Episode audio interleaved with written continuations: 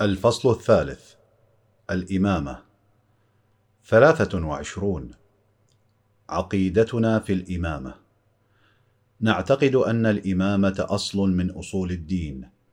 لا يتم الإيمان إلا بالاعتقاد بها ولا يجوز فيها تقليد الآباء والأهل والمربين مهما عظموا وكبروا. بل يجب النظر فيها كما يجب النظر في التوحيد والنبوة. وعلى الأقل أن الاعتقاد بفراغ ذمة المكلف من التكاليف الشرعية المفروضة عليه يتوقف على الاعتقاد بها ايجابا أو سلبا. فإذا لم تكن أصلا من الأصول لا يجوز فيها التقليد. لكونها أصلا فإنه يجب الاعتقاد بها من هذه الجهة. أي من جهة أن فراغ ذمة المكلف من التكاليف المفروضة عليه قطعا من الله تعالى واجب عقلا وليست كلها معلومة من طريقة قطعية. فلا بد من الرجوع فيها إلى من نقطع بفراغ الذمة باتباعه. إما الإمام على طريقة الإمامية أو غيره على طريقة غيرهم. كما نعتقد أنها كالنبوة لطف من الله تعالى. فلا بد أن يكون في كل عصر إمام هاد يخلف النبي في وظائفه من هداية البشر وإرشادهم إلى ما فيه الصلاح والسعادة في النشأتين وله ما للنبي من الولاية العامة على الناس لتدبير شؤونهم ومصالحهم وإقامة العدل بينهم ورفع الظلم والعدوان من بينهم. وعلى هذا فالإمامة استمرار للنبوة والدليل الذي يوجب إرسال الرسل وبعث الأنبياء هو نفسه يوجب أيضا نصب الإمام بعد الرسول.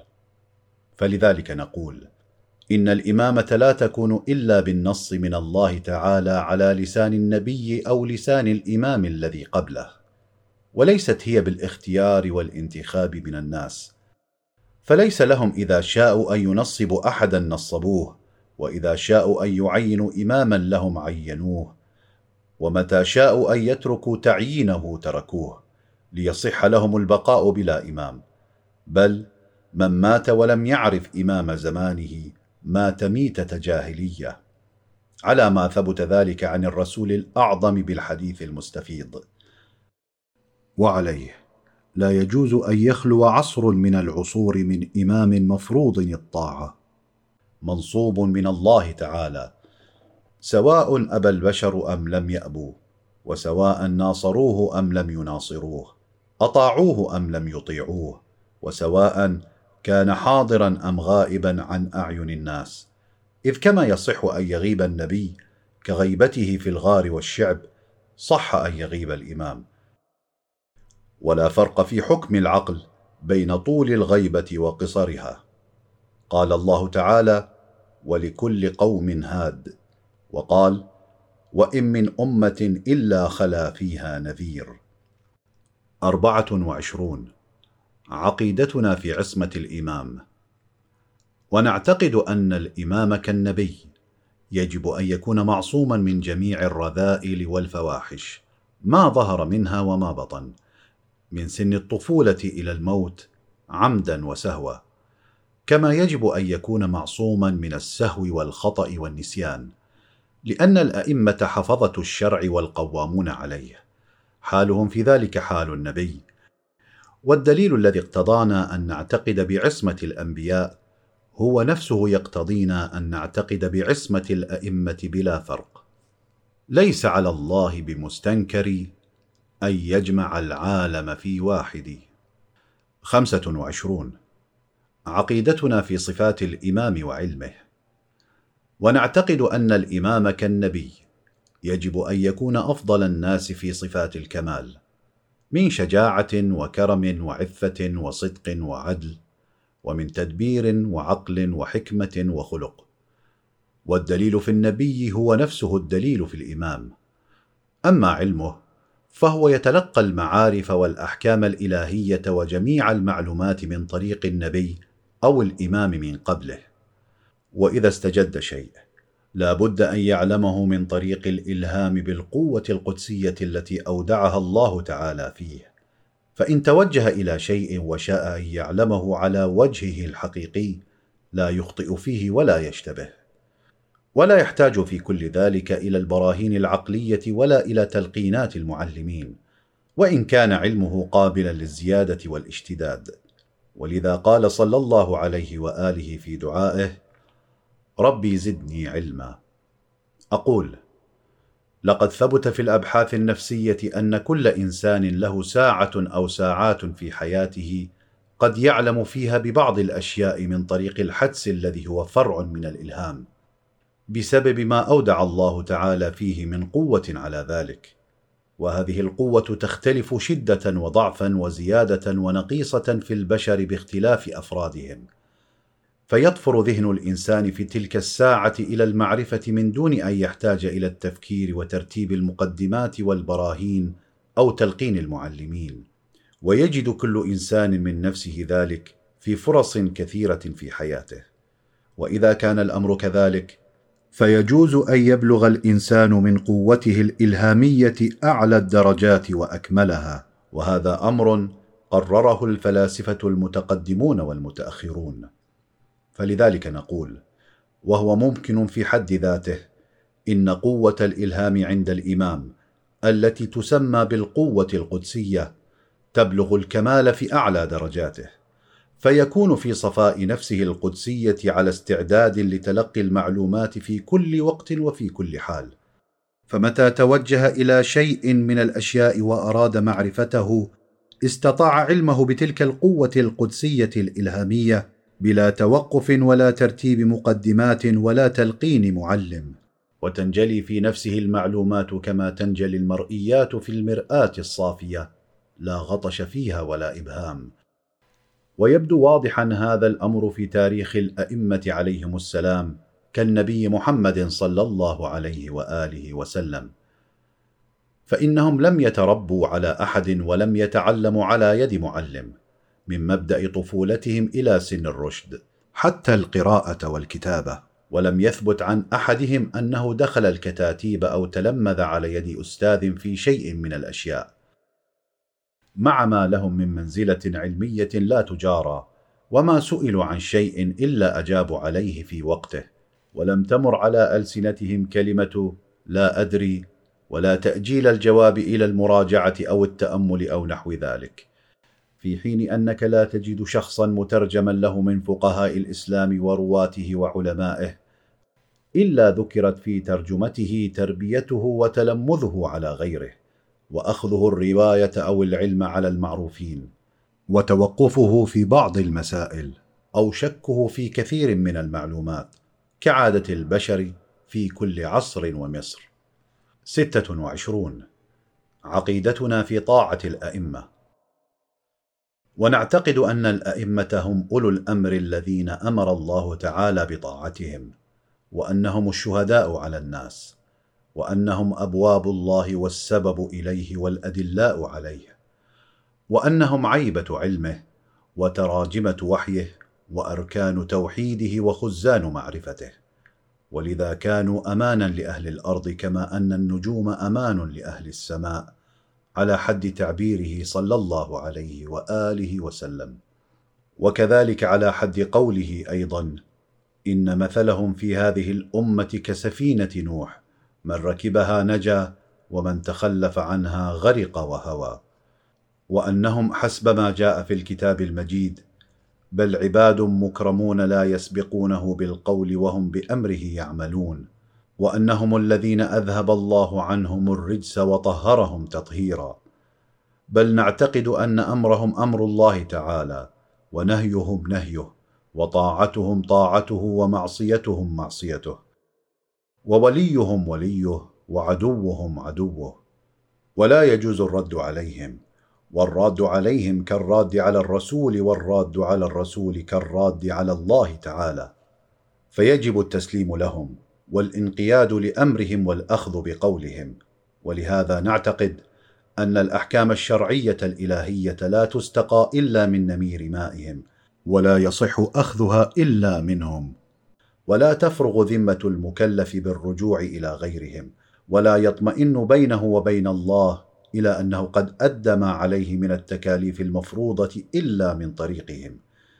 إنهم كسفينة نوح من ركبها نجا ومن تخلف عنها غرق في هذا البحر المائج الزاخر بأمواج الشبه والضلالات والإدعاءات والمنازعات.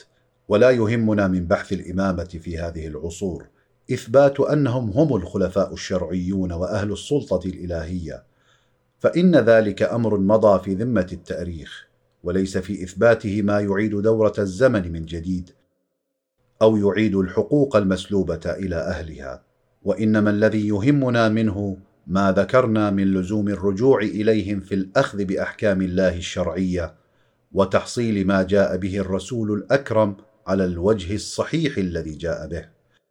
وإن في أخذ الأحكام من الرواة والمجتهدين الذين لا يستقون من نمير مائهم ولا يستضيئون بنورهم ابتعاد عن محجة الصواب في الدين ولا يطمئن المكلف من فراغ ذمته من التكاليف المفروضة عليه من الله تعالى لأنه مع فرض وجود الاختلاف في الآراء بين الطوائف والنحل فيما يتعلق بالأحكام الشرعية اختلاف لا يرجى معه التوفيق.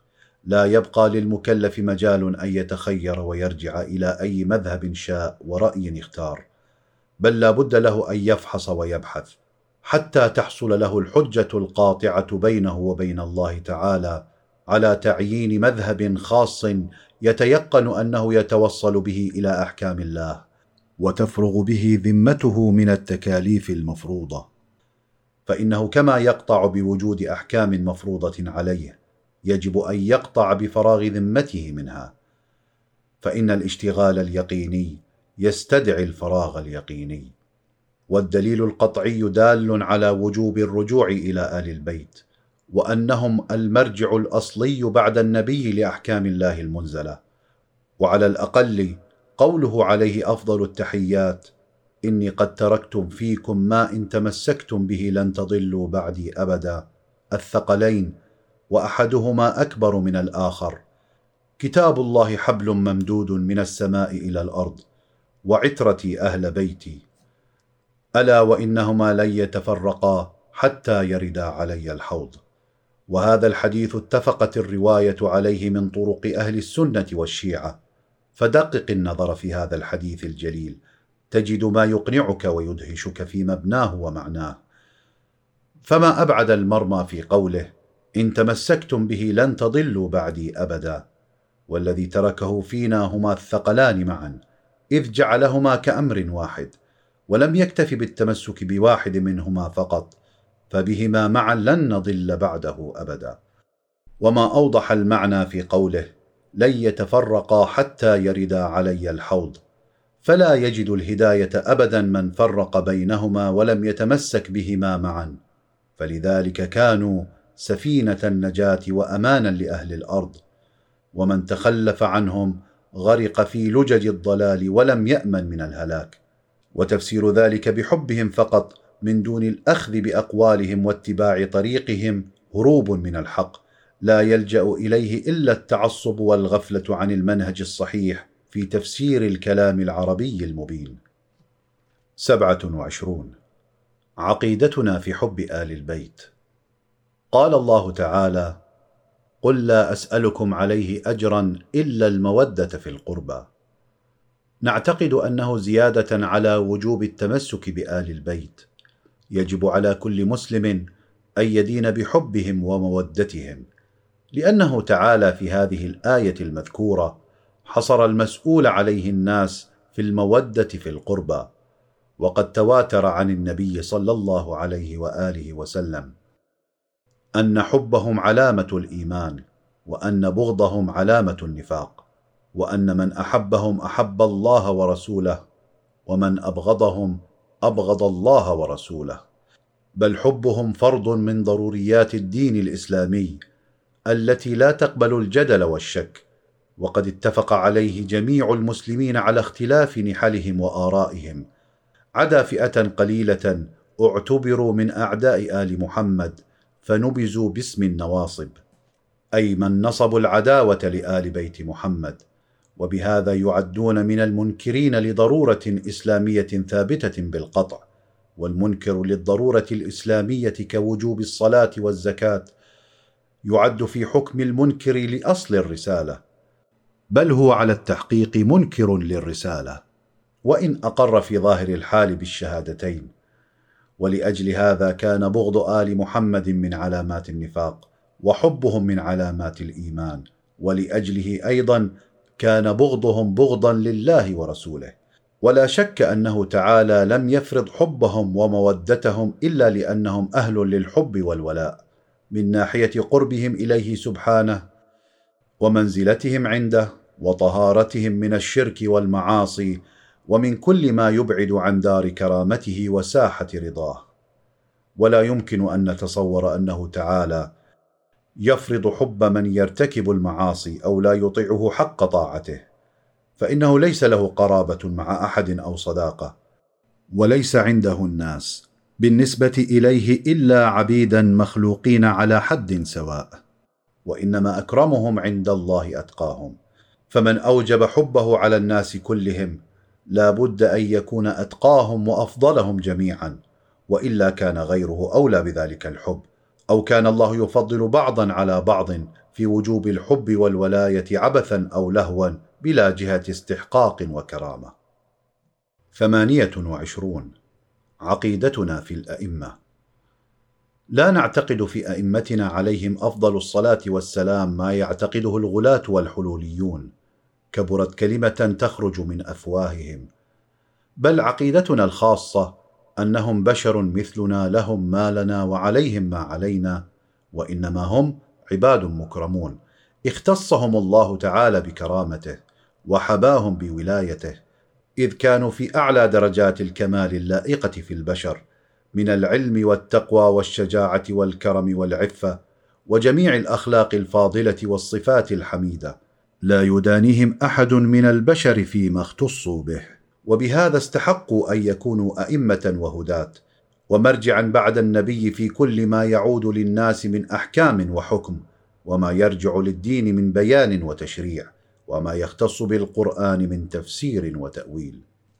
قال إمامنا الصادق عليه السلام ما جاءكم عنا مما يجوز أن يكون في المخلوقين ولم تعلموه ولم تفهموه. فلا تجحدوه.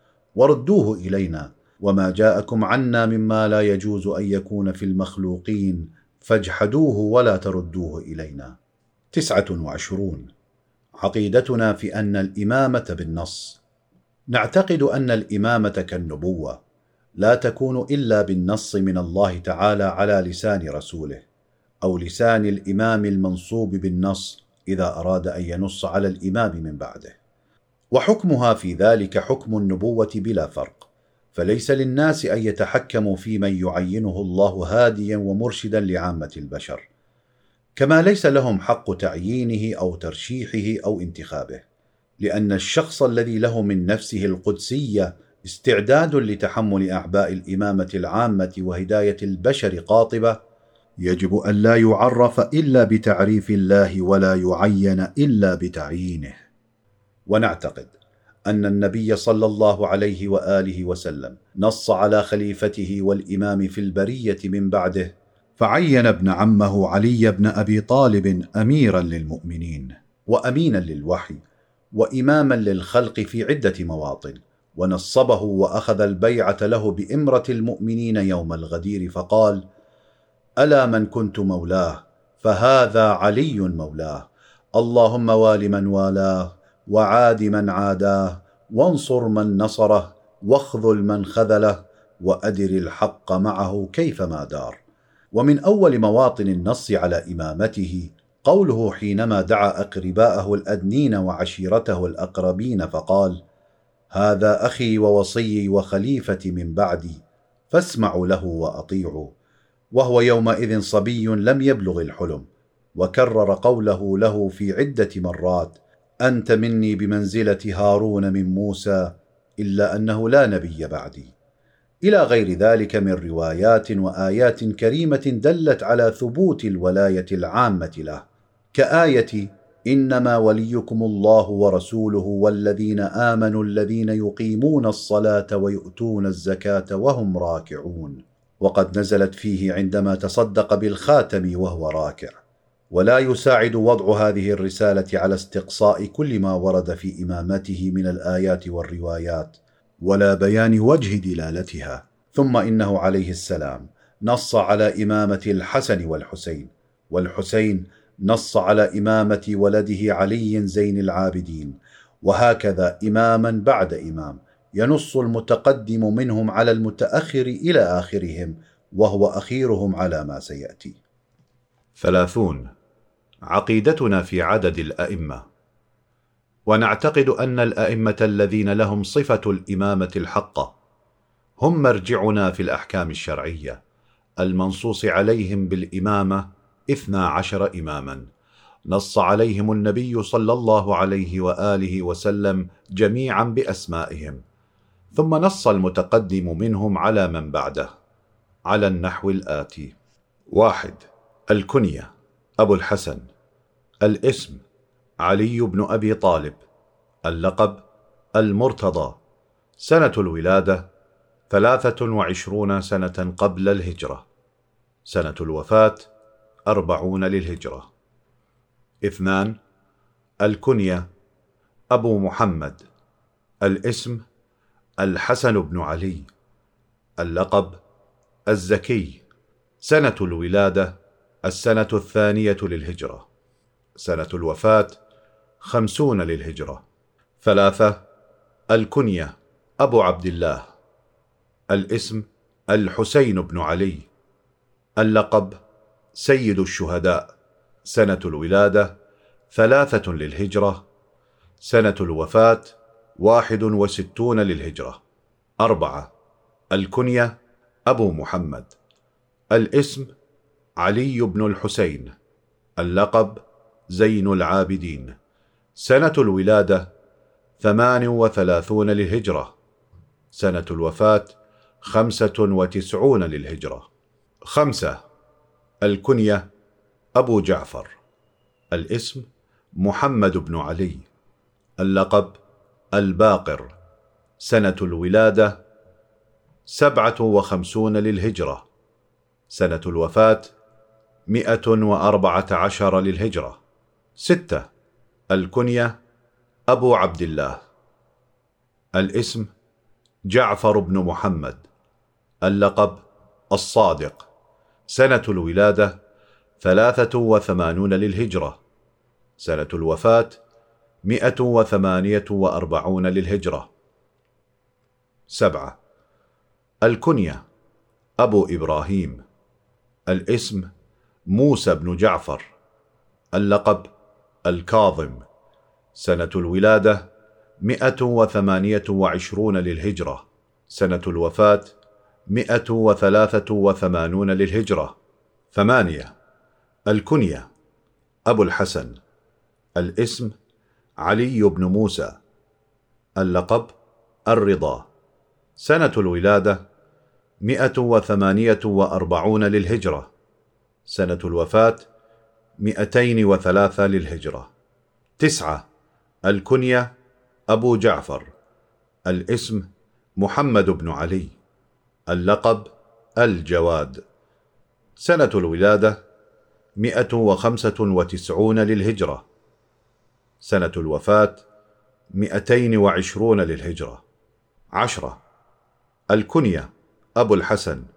الاسم علي بن محمد اللقب الهادي سنة الولادة مئتين واثنا عشر للهجرة سنة الوفاة مئتين وأربعة وخمسون للهجرة. أحد عشر الكنية أبو محمد الاسم الحسن بن علي اللقب العسكري سنة الولادة مئتان واثنان وثلاثون للهجرة سنة الوفاة مئتان وستون للهجرة. اثنا عشر. الكنية أبو القاسم. الاسم محمد بن الحسن. اللقب المهدي. سنة الولادة مئتان وستة وخمسون للهجرة. وهو الحجة في عصرنا الغائب المنتظر عجل الله تعالى فرجه. وسهل مخرجه ليملأ الأرض عدلا وقسطا بعدما ملئت ظلما وجورا. واحد وثلاثون. عقيدتنا في المهدي. إن البشارة بظهور المهدي من ولد فاطمة في آخر الزمان ليملأ الأرض قسطا وعدلا بعدما ملئت ظلما وجورا. ثابتة عن النبي صلى الله عليه وآله وسلم بالتواتر. وسجلها المسلمون جميعا فيما رووه من الحديث عنه على اختلاف مشاربهم وليست هي بالفكرة المستحدثة عند الشيعة. دفع إليها انتشار الظلم والجور فحلموا بظهور من يطهر الأرض من رجس الظلم كما يريد أن يصورها بعض المغالطين غير المنصفين. ولولا ثبوت فكرة المهدي عن النبي على وجه عرفها جميع المسلمين وتشبعت في نفوسهم واعتقدوها لما كان يتمكن مدعو المهدوية في القرون الأولى كالكيسانية والعباسيين وجملة من العلويين وغيرهم من خدعة الناس واستغلال هذه العقيدة فيهم طلبا للملك والسلطان فجعلوا ادعاءهم المهدوية الكاذبة طريقا للتأثير على العامة وبسط نفوذهم عليهم.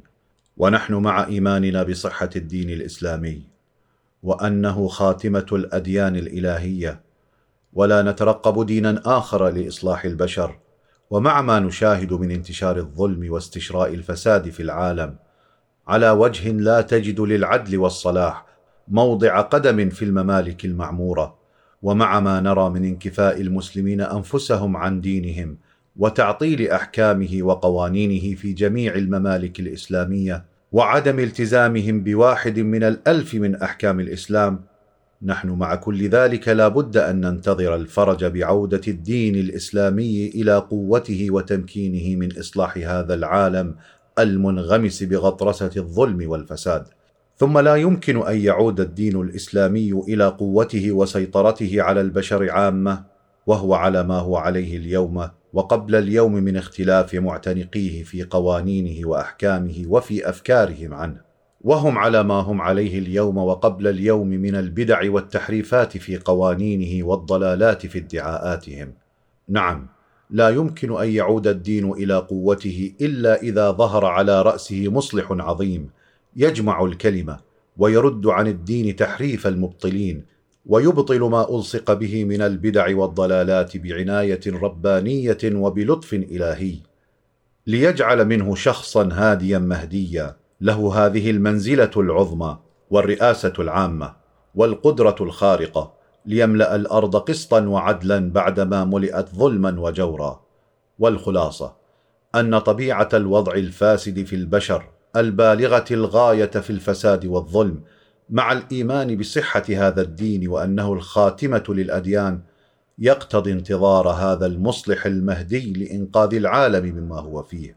ولأجل ذلك آمنت بهذا الانتظار جميع الفرق المسلمة بل الأمم من غير المسلمين غير أن الفرق بين الإمامية وغيرها هو أن الإمامية تعتقد أن هذا المصلح المهدي هو شخص معين معروف ولد سنة 256 هجرية ولا يزال حيا. هو ابن الحسن العسكري واسمه محمد وذلك بما ثبت عن النبي وآل البيت من الوعد به. وما تواتر عندنا من ولادته واحتجابه. ولا يجوز أن تنقطع الإمامة وتحول في عصر من العصور وإن كان الإمام مخفيا ليظهر في اليوم الموعود به من الله تعالى الذي هو من الأسرار الإلهية التي لا يعلم بها إلا هو تعالى. ولا يخلو من أن تكون حياته وبقاؤه هذه المدة الطويلة معجزة جعلها الله تعالى له وليست هي بأعظم من معجزة أن يكون إماما للخلق وهو ابن خمس سنين يوم رحل والده إلى الرفيق الأعلى. ولا هي بأعظم من معجزة عيسى إذ كلم الناس في المهد صبيا وبعث في الناس نبيا. وطول الحياة أكثر من العمر الطبيعي أو الذي يتخيل أنه العمر الطبيعي لا يمنع منها فن الطب ولا يحيلها. غير أن الطب بعد لم يتوصل إلى ما يمكنه من تعمير حياة الإنسان. وإذا عجز عنه الطب فإن الله تعالى قادر على كل شيء. وقد وقع فعلا تعمير نوح وبقاء عيسى عليه السلام كما أخبر عنهما القرآن الكريم. ولو شك الشاك فيما أخبر به القرآن فعلى الإسلام السلام. ومن العجب أن يتساءل المسلم عن إمكان ذلك وهو يدعي الإيمان بالكتاب العزيز. ومما يجدر أن نذكره في هذا الصدد ونذكر أنفسنا به أنه ليس معنى انتظار هذا المصلح المنقذ المهدي أن يقف المسلمون مكتوفي الايدي فيما يعود إلى الحق من دينهم وما يجب عليهم من نصرته والجهاد في سبيله والأخذ بأحكامه والأمر بالمعروف والنهي عن المنكر. بل المسلم ابدا مكلف بالعمل بما أنزل من الأحكام الشرعية.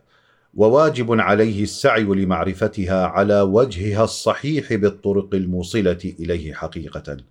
وواجب عليه أن يأمر بالمعروف وينهى عن المنكر ما تمكن من ذلك وبلغت إليه قدرته. كلكم راع وكلكم مسؤول عن رعيته. فلا يجوز له التأخر عن واجباته بمجرد الانتظار للمصلح المهدي والمبشر الهادي. فإن هذا لا يسقط تكليفا ولا يؤجل عملا ولا يجعل الناس هملا كالسوائم. اثنان وثلاثون. عقيدتنا في الرجعة. إن الذي تذهب إليه الإمامية اخذا بما جاء عن آل البيت عليهم السلام أن الله تعالى يعيد قوما من الأموات إلى الدنيا في صورتهم التي كانوا عليها. فيعز فريقا ويذل فريقا آخر. ويديل المحقين من المبطلين والمظلومين منهم من الظالمين. وذلك عند قيام مهدي آل محمد عليه وعليهم أفضل الصلاة والسلام. ولا يرجع إلا من علت درجته في الإيمان أو من بلغ الغاية من الفساد. ثم يصيرون بعد ذلك إلى الموت ومن بعده إلى النشور وما يستحقونه من الثواب أو العقاب. كما حكى الله تعالى في قرآنه الكريم تمني هؤلاء المرتجعين الذين لم يصلحوا بالارتجاع فنالوا مقت الله أن يخرجوا ثالثا لعلهم يصلحون. قالوا ربنا أمتنا اثنتين وأحييتنا اثنتين فاعترفنا بذنوبنا فهل إلى خروج من سبيل؟ نعم قد جاء القرآن الكريم بوقوع الرجعة إلى الدنيا وتضافرت بها الأخبار عن بيت العصمة والإمامية بأجمعها عليه إلا قليلون منهم. تاولوا ما ورد في الرجعة بأن معناها رجوع الدولة والأمر والنهي إلى آل البيت بظهور الإمام المنتظر من دون رجوع أعيان الأشخاص وإحياء الموتى. والقول بالرجعة يعد عند أهل السنة من المستنكرات التي يستقبح الاعتقاد بها. وكان المؤلفون منهم في رجال الحديث يعدون الاعتقاد بالرجعة من الطعون في الراوي والشناعات عليه التي تستوجب رفض روايته وطرحها ويبدو أنهم يعدونها بمنزلة الكفر والشرك بل أشنع فكان هذا الاعتقاد من أكبر ما تنبز به الشيعة الإمامية ويشنع به عليهم. ولا شك في أن هذا من نوع التهويلات التي تتخذها الطوائف الإسلامية فيما غبر ذريعة لطعن بعضها في بعض والدعاية ضده ولا نرى في الواقع ما يبرر هذا التهويل. لأن الاعتقاد بالرجعة لا يخدش في عقيدة التوحيد ولا في عقيدة النبوة بل يؤكد صحة العقيدتين إذ الرجعة دليل القدرة البالغة لله تعالى كالبعث والنشر.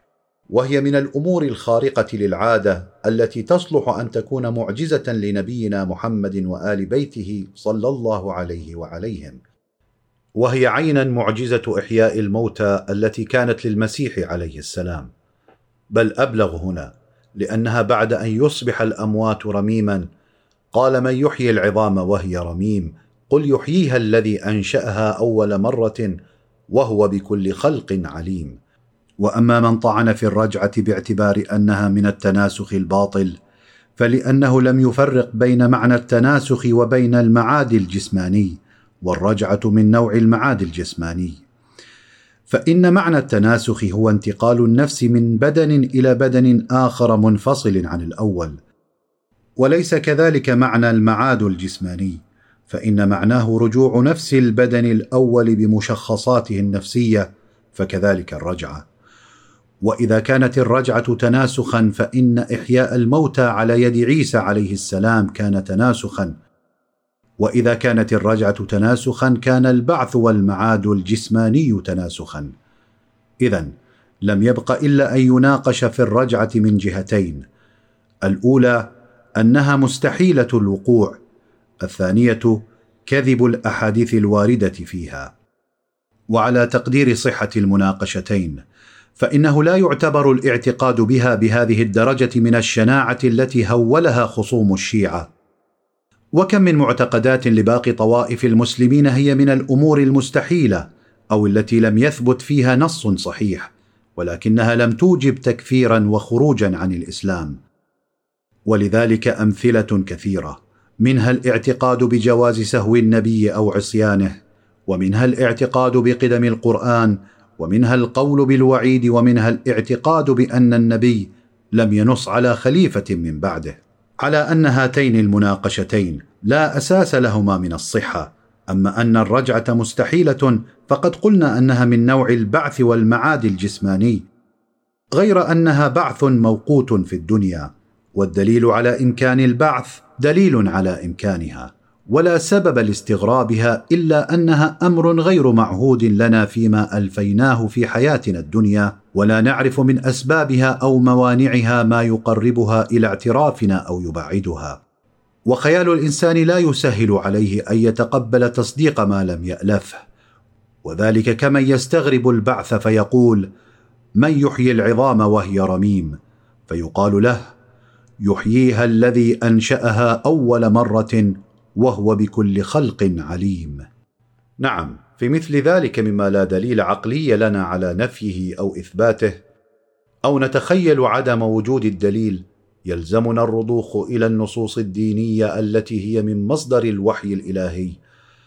وقد ورد في القرآن الكريم ما يثبت وقوع الرجعة إلى الدنيا لبعض الأموات كمعجزة عيسى عليه السلام في إحياء الموتى وأبرئ الأكمه والأبرص وأحيي الموتى بإذن الله. وكقوله تعالى أنا يحيي هذه الله بعد موتها فأماته الله مائه عام ثم بعثه. والآية المتقدمة قالوا ربنا أمتنا اثنتين فإنه لا يستقيم معنى هذه الآية بغير الرجوع إلى الدنيا بعد الموت. وإن تكلف بعض المفسرين في تأويلها بما لا يروي الغليل ولا يحقق معنى الآية. وأما المناقشة الثانية وهي دعوى أن الحديث فيه موضوع فإنه لا وجه لها لأن الرجعة من الأمور الضرورية فيما جاء عن آل البيت من الأخبار المتواترة. وبعد هذا أفلا تعجب من كاتب شهير يدعي المعرفة مثل أحمد أمين في كتابه فجر الإسلام إذ يقول فاليهودية ظهرت في التشيع بالقول بالرجعة فأنا أقول له على مدعاه فاليهودية أيضا ظهرت في القرآن بالرجعة كما تقدم ذكر القرآن لها في الآيات المتقدمة. ونزيده فنقول والحقيقة أنه لا بد أن تظهر اليهودية والنصرانية في كثير من المعتقدات والأحكام الإسلامية لأن النبي الأكرم جاء مصدقا لما بين يديه من الشرائع السماوية وإن نسخ بعض أحكامها. فظهور اليهودية أو النصرانية في بعض المعتقدات الإسلامية ليس عيبا في الإسلام على تقدير أن الرجعة من الآراء اليهودية كما يدعي هذا الكاتب. وعلى كل حال فالرجعة ليست من الأصول التي يجب الاعتقاد بها والنظر فيها وإنما اعتقادنا بها كان تبعا للآثار الصحيحة الواردة عن آل البيت عليهم السلام. الذين ندين بعصمتهم من الكذب وهي من الأمور الغيبية التي أخبروا عنها ولا يمتنع وقوعها. ثلاثة وثلاثون. عقيدتنا في التقية. روي عن صادق آل البيت عليهم السلام في الأثر الصحيح التقية ديني ودين آبائي ومن لا تقية له لا دين له. وكذلك هي. لقد كانت شعارا لآل البيت عليهم السلام. دفعا للضرر عنهم وعن أتباعهم وحقنا لدمائهم واستصلاحا لحال المسلمين وجمعا لكلمتهم ولما لشعثهم وما زالت سمة تعرف بها الإمامية دون غيرها من الطوائف والأمم. وكل إنسان إذا أحس بالخطر على نفسه أو ماله بسبب نشر معتقده أو التظاهر به لا بد أن يتكتم ويتقي في مواضع الخطر. وهذا أمر تقتضيه فطرة العقول. ومن المعلوم أن الإمامية وأئمتهم لاقوا من ضروب المحن وصنوف الضيق على حرياتهم في جميع العهود ما لم تلاقه إيه طائفة أو أمة أخرى. فاضطروا في أكثر عهودهم إلى استعمال التقية بمكاتمة المخالفين لهم وترك مظاهرتهم وستر اعتقاداتهم وأعمالهم المختصة بهم عنهم لما كان يعقب ذلك من الضرر في الدين والدنيا ولهذا السبب امتازوا بالتقية وعرفوا بها دون سواهم. وللتقية أحكام من حيث وجوبها وعدم وجوبها بحسب اختلاف مواقع خوف الضرر مذكورة في أبوابها في كتب العلماء الفقهية. وليست هي بواجبة على كل حال. بل قد يجوز أو يجب خلافها في بعض الأحوال. كما إذا كان في إظهار الحق والتظاهر به نصرة للدين وخدمة للإسلام وجهاد في سبيله. فإنه عند ذلك يستهان بالأموال ولا تعز النفوس. وقد تحرم التقية في الأعمال التي تستوجب قتل النفوس المحترمة. أو رواجا للباطل أو فسادا في الدين أو ضررا بالغا على المسلمين بإضلالهم أو إفشاء الظلم والجور فيهم. وعلى كل حال ليس معنى التقية عند الإمامية أنها تجعل منهم جمعية سرية لغاية الهدم والتخريب كما يريد أن يصورها بعض أعدائهم غير المتورعين في إدراك الأمور على وجهها. ولا يكلفون أنفسهم فهم الرأي الصحيح عندنا كما أنه ليس معناها أنها تجعل الدين وأحكامه سرا من الأسرار لا يجوز أن يذاع لمن لا يدين به. كيف وكتب الإمامية ومؤلفاتهم فيما يخص الفقه والأحكام ومباحث الكلام والمعتقدات؟ قد ملأت الخافقين وتجاوزت الحد الذي ينتظر من أي أمة تدين بدينها. بلى إن عقيدتنا في التقية قد استغلها من أراد التشنيع على الإمامية فجعلوها من جملة المطاعن فيهم وكأنهم كان لا يشفى غليلهم إلا أن تقدم رقابهم إلى السيوف لاستئصالهم عن آخرهم في تلك العصور. التي يكفي فيها أن يقال هذا رجل شيعي ليلاقي حتفه على يد أعداء آل البيت من الأمويين والعباسيين. وإذا كان طعن من أراد أن يطعن يستند إلى زعم عدم مشروعيتها من ناحية دينية فإنا نقول له اولا إننا متبعون لأئمتنا عليهم السلام ونحن نهتدي بهداهم وهم أمرونا بها وفرضوها علينا وقت الحاجة وهي عندهم من الدين وقد سمعت قول الصادق عليه السلام من لا تقية له لا دين له. وثانيا قد ورد تشريعها في نفس القرآن الكريم. ذلك قوله تعالى إلا من أكره وقلبه مطمئن بالإيمان. وقد نزلت هذه الآية في عمار بن ياسر الذي التجأ إلى التظاهر بالكفر خوفا من أعداء الإسلام. وقوله تعالى إلا أن تتقوا منهم تقاتا. وقوله تعالى وقال رجل مؤمن من آل فرعون يكتم إيمانه.